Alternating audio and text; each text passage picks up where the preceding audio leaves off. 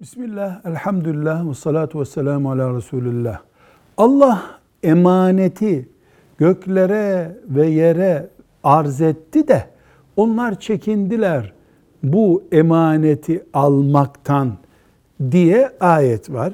Bu konuşuluyor. Buradaki emanet nedir? Ve bu emanet nasıl onlara verilmek istendi? Sorusunun cevabı şudur. Buradaki emanet Allah'ın şeriatıdır. Kur'an'ı, dini, Allah'ın insanları ve cinleri kendisi için yarattığı o ibadet dünyasıdır. Buna şeriat diyoruz. Bunu Allah göklere ve yere verdi, vermeyi arz etti ama çekindiler, taşıyamayız düşündüler. Bu veriş tarzı nasıl oldu? Göklerin dili mi var, kulağı mı var?